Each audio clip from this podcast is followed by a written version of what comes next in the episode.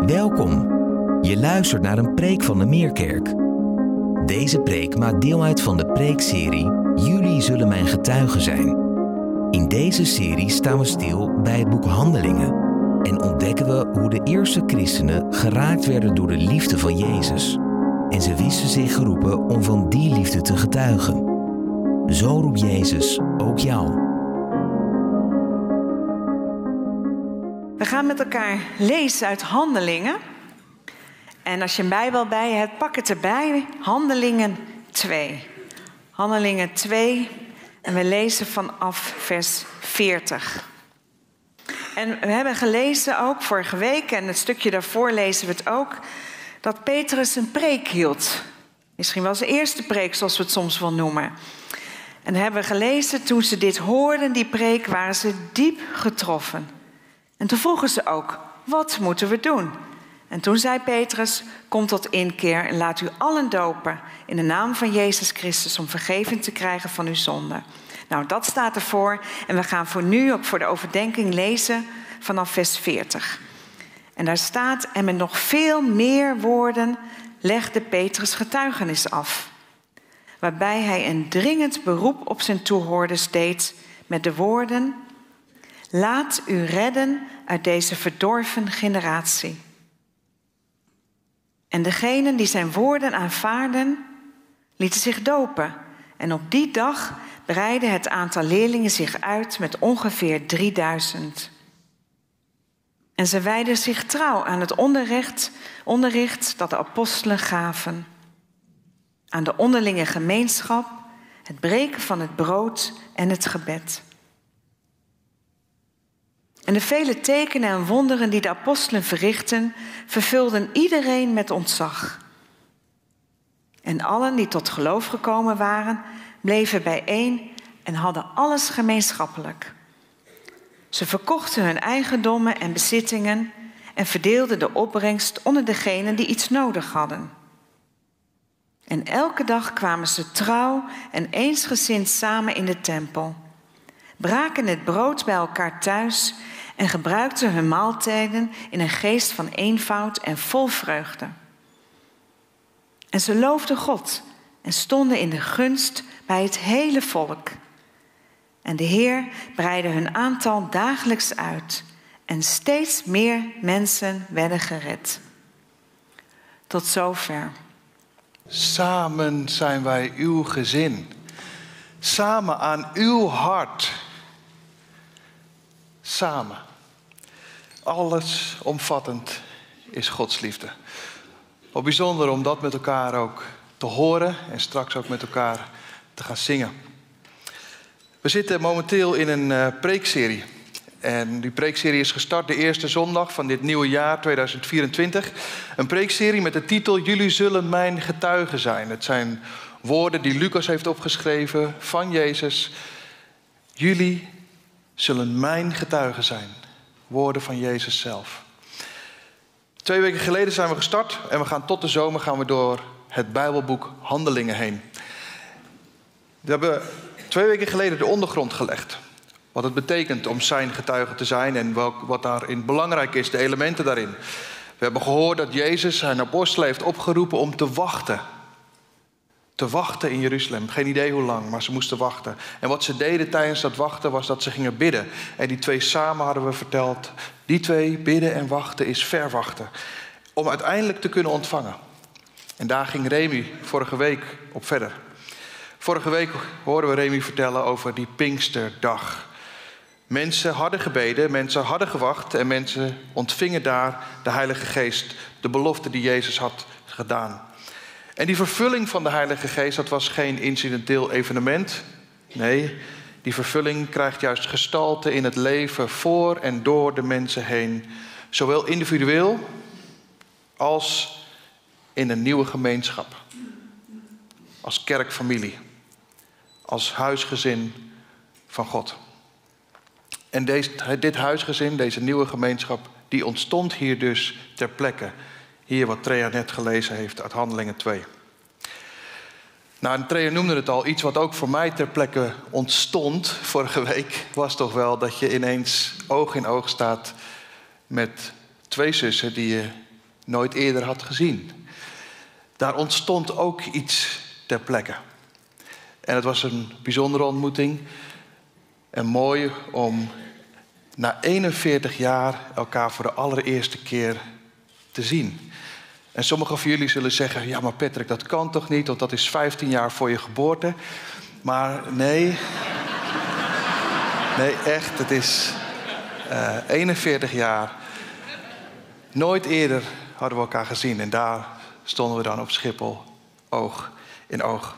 En ik moet zeggen, dat is eigenlijk een opeenstapeling van allerlei wonderlijke gebeurtenissen van een jaar.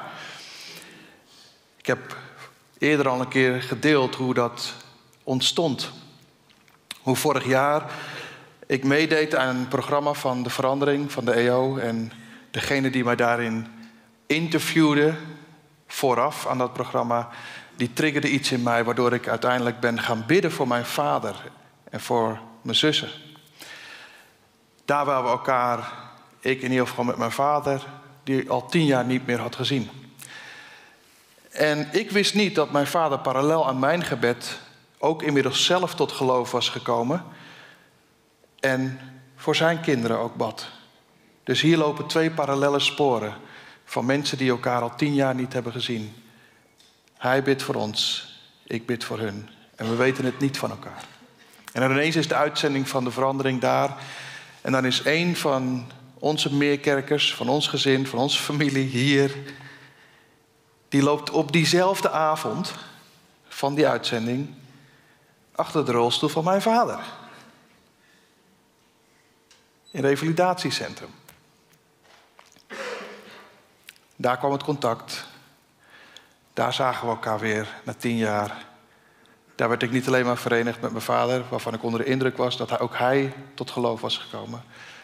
Waardoor zijn verslaving van drank en drugs stopte. En hij iemand leerde kennen in God, zijn hemelse vader.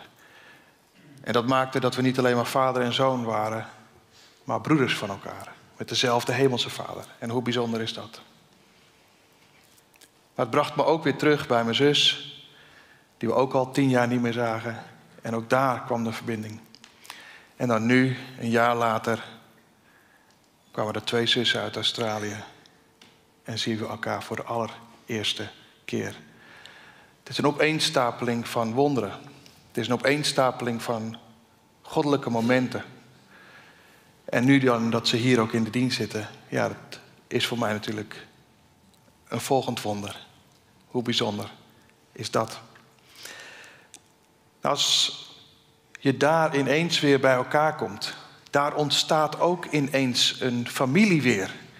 Waar we elkaar 41 jaar niet hebben gezien. Daar ontstaat ineens een familie. Ja, dat komt dan over en je hebt een biologische bloedband met elkaar. Maar als mensen dan hier zijn uit Australië en uh, je bent als familie compleet, ja, wat ga je dan doen? Nou, dan ga je natuurlijk een groepsfoto maken. En aan jullie de vraag straks waar dit is.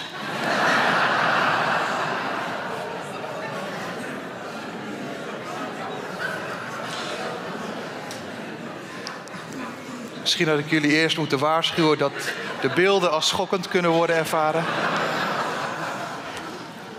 Maar waar is dit? Yes, heel goed. Abonnes, goed zo.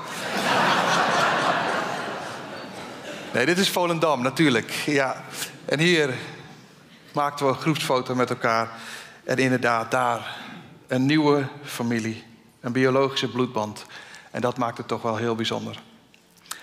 Waar we vandaag ook naar willen kijken, is mensen die ook bij elkaar kwamen. En ineens ontstond daar ook een familie. Een huisgezin van God zelf. En niet met een biologische bloedband, maar met een geestelijke bloedband. Een bloedband in Jezus Christus. Dat ontstond daar gewoon in Handelingen 2 ter plekke. Ze hadden gemeenschappelijk bloed in de persoon van Jezus Christus. En dat verbond hen met elkaar. Gods geest werd op hen uitgestort. En daar zien we een nieuwe gemeenschap ontstaan. En ik moet zeggen, in 2021, dat is alweer een aantal jaren geleden, hebben wij hier in de Meerkerk een vijfdelige preekserie gehad over dit gedeelte wat Trea net gelezen heeft. Dus we hebben hier al eerder over nagedacht. Sterker nog, we hebben hier een vijfdelige preekserie aangehouden van 2,5 uur onderwijs, onderricht zou je kunnen zeggen, over dit Bijbelgedeelte. Nou, dat wil ik vandaag gaan herhalen. Dus uh, eh, 2,5 uur, ik hoop dat je goed zit. Dan gaan we het eens eventjes allemaal belezen. Dat gaan we niet doen, maar ik zou wel oproepen. Scroll eens terug in de podcast van de Meerkerk. En als je dat wil, je wil wat meer verdieping nog dan wat we vandaag willen overdenken, dan kan dat dus. Nou, het klinkt ook misschien een beetje gek. Maar in de voorbereiding op mijn preek en bij het lezen van dit gedeelte uh, moest ik uh, stilstaan en moest ik denken aan een film waar ik nog niet eens zo heel erg lang geleden met mijn gezin heen ben geweest. En dat is De Tata's. En wie van jullie kent deze film? De Tata's. Wie heeft deze wel? Ja, toch wel. Toch wel drie mensen die hem hebben gezien. Dit is een uh, hele grappige film. Als je hem nog niet gezien hebt, dan zou ik zeker daar eens naar gaan kijken. Maar de Tata's, dat, is, dat zijn de mensen in het midden daar. Dat is een gezin uit een welgestelde situatie. Een groot huis, een mooie mega villa, genoeg geld. En die mensen raken opeens alles kwijt. En dan worden ze van de villa-wijk, gaan ze verhuizen naar een buitenwijk. Nou, je kan je voorstellen dat in die buitenwijk er van alles gebeurt wat zij niet zo goed snappen. Wat zij niet zo goed begrijpen. En in eerste instantie is dat eventjes wennen. En dat geldt ook voor ons vandaag als kerk, als gemeenschap. Ook zoals wij hier bij elkaar zitten.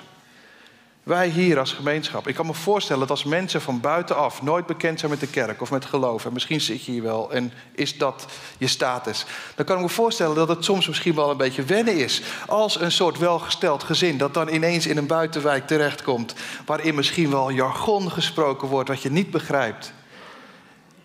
Liederen gezongen die je niet snapt. Dat dat misschien wel even wennen is. Ik kan me ook voorstellen als je als je het welkomsteam zou instrueren, dat ze vanaf volgende week ook in een soort straattaal hier mensen welkom zouden heten. Dat ze, yo, nifo's, welkom in de osso van God met een capuchon op. Nou, zie je dat al, zie je dat al gebeuren? Zie je dat al gebeuren? Ik kan me voorstellen dat als je dan hier binnenkomt volgende week en je hoort dat, dat je denkt, oh, nou, dat is toch wel even wennen. Dat is wel even wennen. Nou, dat gebeurde dus ook in deze nieuwe gemeenschap die hier ontstond. Het was even wennen. En daarover gesproken, voor mezelf toen ik 21 was en hier voor de allereerste keer een kerk binnenkwam, toen moest ik ook even wennen. En ik moest ook wennen aan jargon, ik moest wennen aan het gesprek wat ik had met mijn buurman de allereerste keer dat ik hier zat. Mijn buurman die zei tegen mij van Patrick, deze dienst is fantastisch en mooi en geweldig. Maar weet je wat nog mooier is dan deze dienst? Dat is als we straks, als de dienst afgelopen is, dan hebben we met elkaar gemeenschap in de ruimte hiernaast.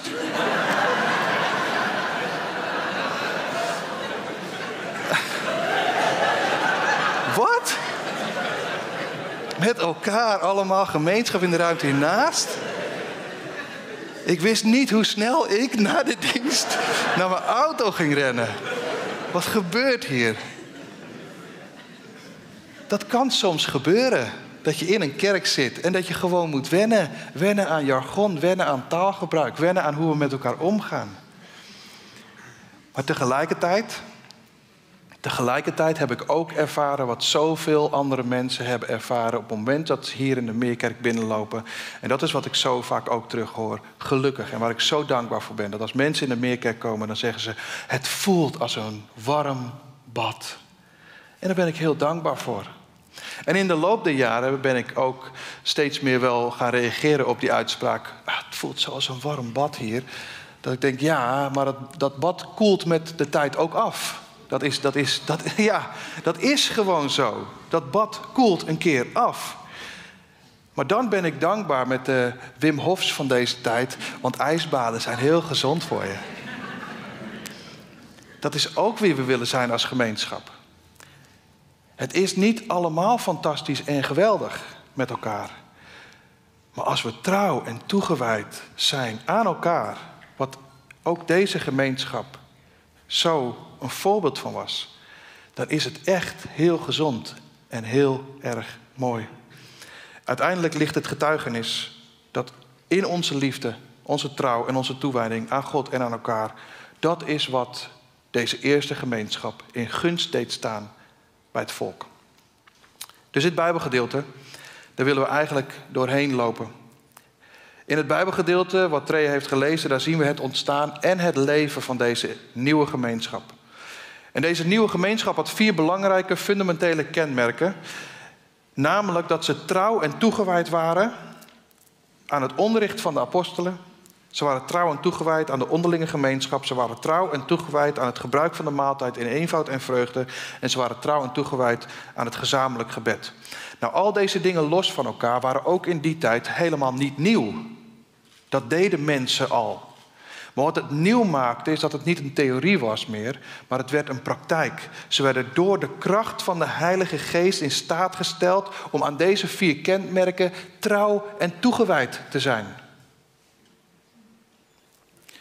Ik las een gedeelte van Dietrich Bunhover, die een Duitse kerkleider was, verzetstrijder, theoloog. Hij was iemand die geloofde dat geloof geen zaak was van de theorie, maar van de praktijk. En in zijn boek Leven met Elkander, gaat ook over gemeenschap, daar schrijft hij het volgende. De christelijke gemeenschap is niet een ideaal dat wij moeten verwerkelijken, maar het is een door God in Christus geschapen werkelijkheid waar wij aan mogen deel hebben. Hoe mooi is dat? Het is niet iets dat wij keihard moeten werken om die gemeenschap te zijn. God geeft het door zijn geest om daar deel aan te hebben van die gemeenschap. En de krachtige uitwerking van de Heilige Geest ligt dus veel meer in de trouw en in het toegewijd zijn. Trouw en toegewijd aan deze vier kenmerken. En de woorden trouw en toewijding, ja, dat is ook niet meer helemaal van deze tijd. Daar ligt denk ik onze uitdaging als gemeenschap, als kerk, om trouw en toegewijd te blijven. Want trouw en toewijding in onze huidige samenleving, wat toch best wel ongeduldig en hedonistisch is, ja, dat is lastig om dan trouw en toegewijd te blijven.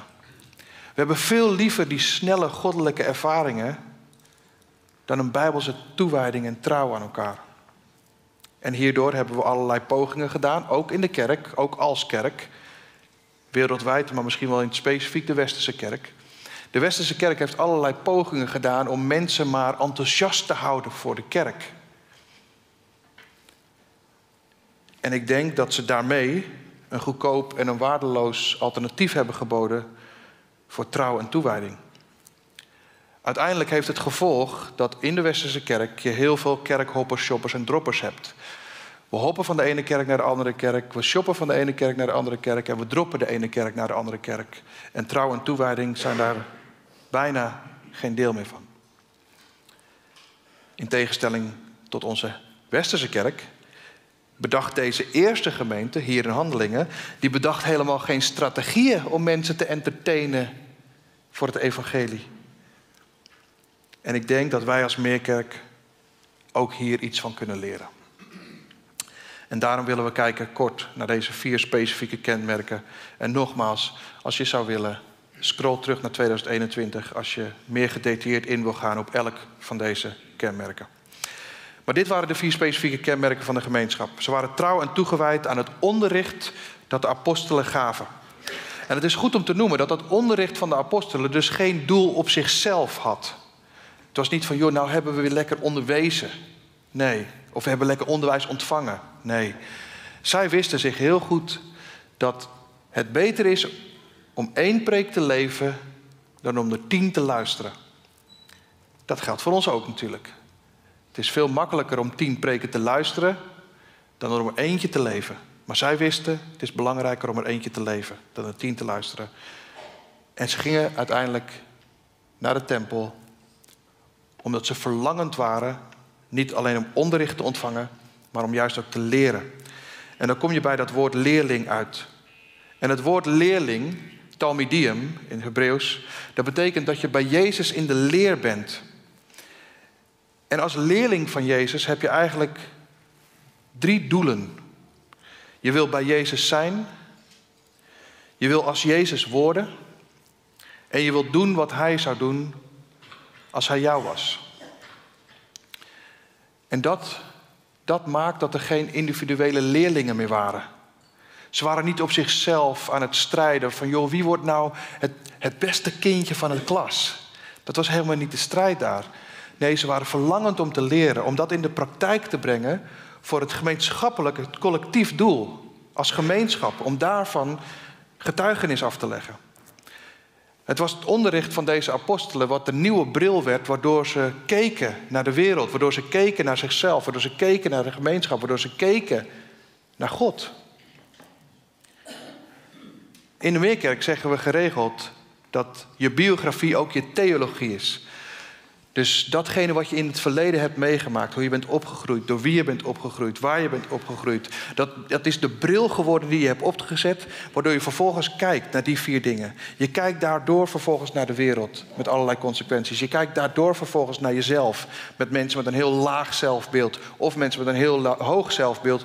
Moet je maar eens gaan vragen waar ze vandaan komen. Dan verklaart dat het een en ander, denk ik. Maar het is ook de bril waardoor je kijkt naar God. Dus hoe jij God ziet, wordt bepaald door de bril waardoor je heen kijkt. En hier, hiervan kunnen we misschien wel leren dat deze eerste gemeente besloot om die bril af te zetten. En om een andere, nieuwe bril op te zetten. Een bril die gemaakt werd vanuit het onderricht dat de apostelen gaven. En een van de eerste dingen die ik daarvan leerde, ook hier in de kerk. Ook ik moest leren, en nog steeds misschien wel, om mijn eigen biografiebril af te zetten. Om een zuivere geestelijke bril op te zetten, om de dingen goed te kunnen zien. En van daaruit de theorie om te zetten naar de praktijk. En het is misschien heel simpel, maar een van de eerste dingen die ik leerde toen ik hier in de kerk kwam, dat was dat een aantal maanden nadat ik de allereerste keer hier geweest was, kwam ik nog een keer hier naar de kerk. Ik had besloten om een alfa te doen. En in die alfa besloot ik om God een kans te geven. En uiteindelijk met die kans besloot ik dus ook om op zondag naar de kerk te gaan. En toen weet ik nog heel goed dat Wichelen, Wichelen Tamboer, op een gegeven moment naar me toe kwam. En we hadden eigenlijk nooit contact met elkaar. Maar hij kwam naar me toe en hij gaf me een hand. En hij zei, Patrick toch? Hij kende mijn naam. Dit heeft zoveel impact gehad en gemaakt op mijn leven. Dat toen ik in dienst kwam van de Meerkerk als jongerenwerker, toen dacht ik, ja, wat zo'n impact heeft op mij, mijn biografie hier in de kerk, dat wil ik ook dat mijn theologie gaat worden als ik jongerenwerker ben. Dus elke eerste zondag van het kerkelijk jaar nam ik al die jongere koppies op de foto, schreef hun naam erbij. En ik had op mijn kantoor, toen nog aan de Eiweg, ik grote platen hangen met allemaal foto's, met al die namen. En eens in de week stond ik gewoon tien minuten eventjes voor die foto's. Met die namen. Want ik wilde elke zondag als een jongere daar binnenkwam, misschien wel na weken weer, wilde ik mijn hand uit kunnen stekken en zeggen: Gerard toch?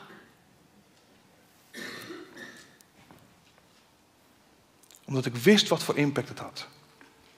En er zijn vele, vele mensen die ook vanuit een welkomteam een handdruk gaven, mensen kenden, als familie, als gezin. Wat uiteindelijk het geloofsgetuigenis is geworden van de persoon die daar de allereerste keer een handdruk kreeg. En iemand die zijn of haar naam wist. Als mensen zeggen ik ben niet zo goed in namen, dat is omdat je het waarschijnlijk niet leert. Het is te leren om namen te kennen. Maar het kost wel moeite. Maar de impact is ook groot. Het is de moeite waard tweede deel was dat ze trouw en toegewijd zijn aan de onderlinge gemeenschap. De mensen kwamen als eerste gemeente in de tempel bij elkaar, maar ze kwamen ook bij elkaar thuis. En ze kwamen niet alleen maar bij elkaar als reactie op een opdracht die ze kregen van de apostelen. Nee. Ze kwamen bij elkaar als reactie op een nieuw leven welke ze ontvangen hadden door de Heilige Geest. Dus er was niemand daar in deze eerste gemeenschap die elkaar de vraag stelt: van joh, oké, ik ben nu christen geworden, hè, maar betekent dat, dat dat ik nu naar de kerk ook moet? Nee. Het had niks te maken met een wet. Het had niet te maken met moeten. Het was een verlangen. Ik ben nu christen. Ik ben deel van Gods gezin. Ik wil komen. Het is niet hoe, hoe vaak moet ik naar de kerk, maar hoe vaak mag ik naar de kerk? Hoe vaak mag ik naar de kerk? Hoe vaak mag ik met jullie optrekken? Hoe vaak mogen wij met elkaar opwandelen, elkaars leven delen? Het was geen moeten, het was een verlangen. Ik wil niet anders. Ik wil niet anders dan elkaar leren kennen en met elkaar optrekken. En ze zagen het belang daarvan in.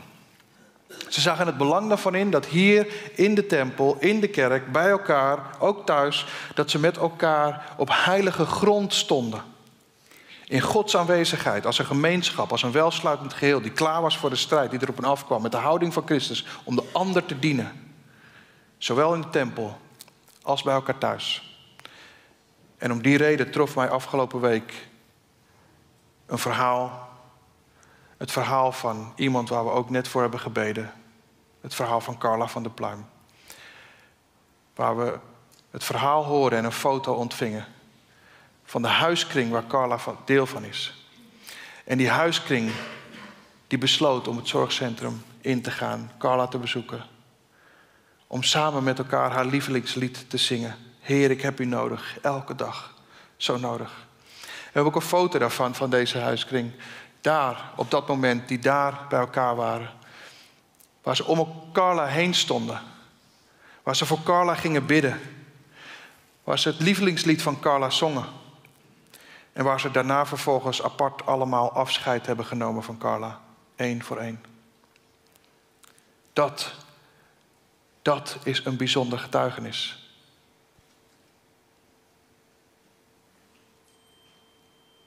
Om deze reden noemen we elke week in de weekinfo het belang van ons kringenwerk.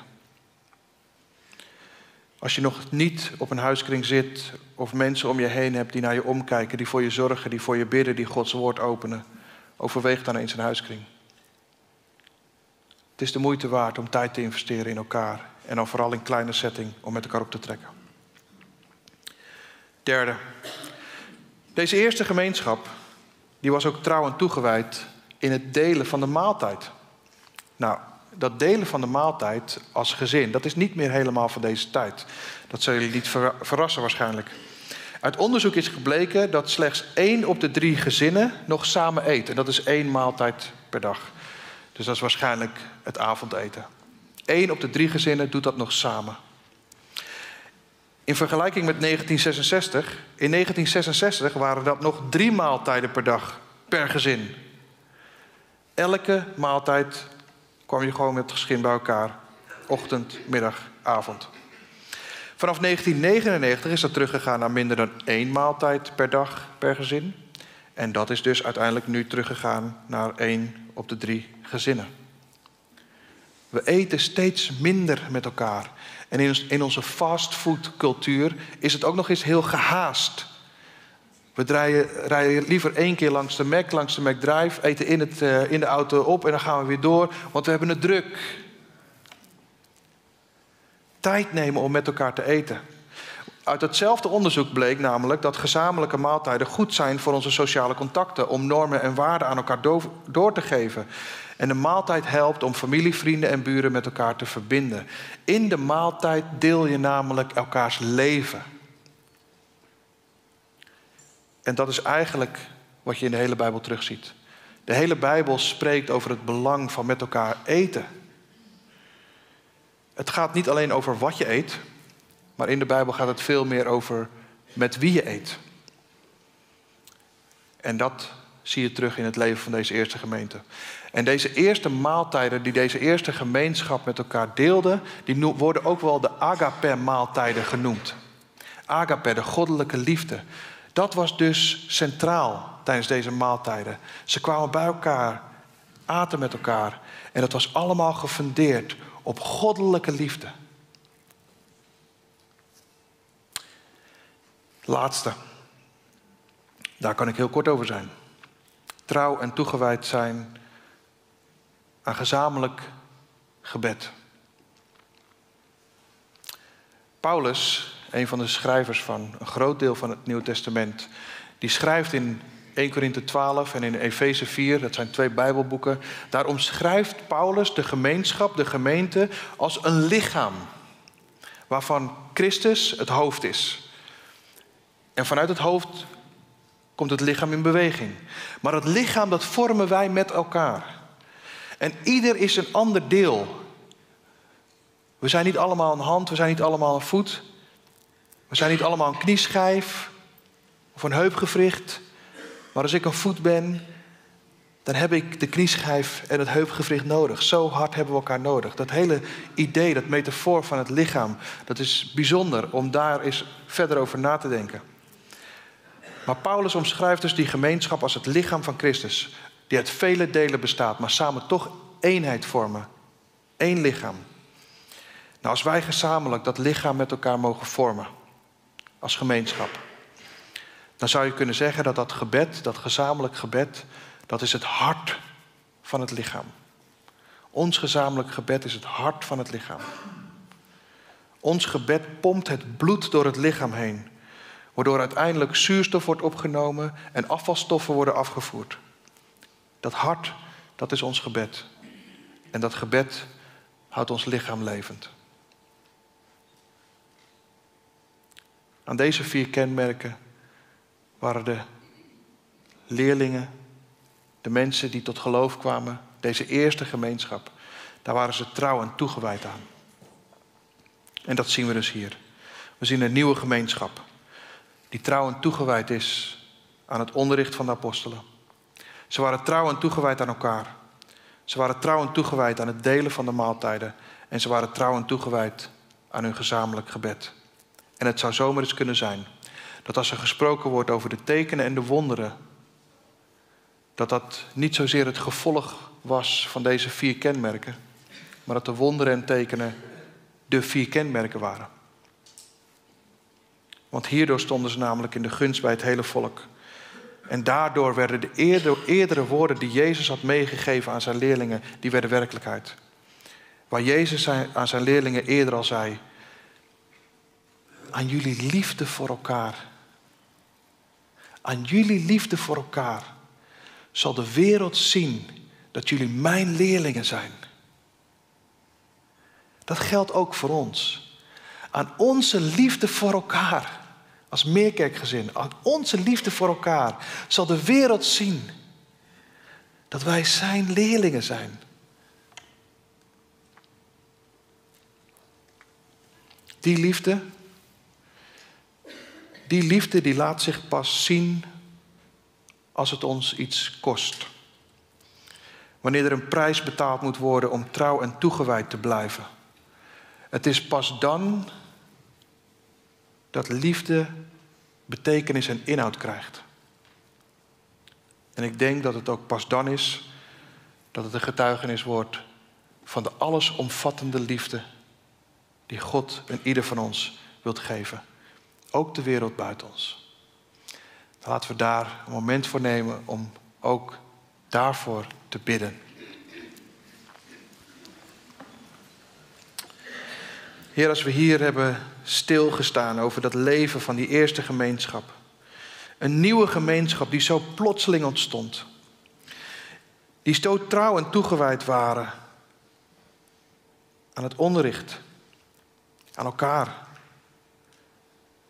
aan het delen van de maaltijd en aan het gezamenlijk gebed.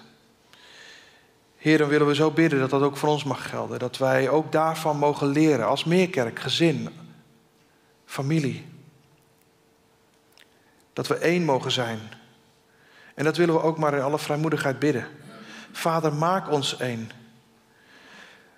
Want in onze eenheid geloof ik dat de wereld uiteindelijk zal zien dat u uw zoon gegeven heeft voor een ieder van ons.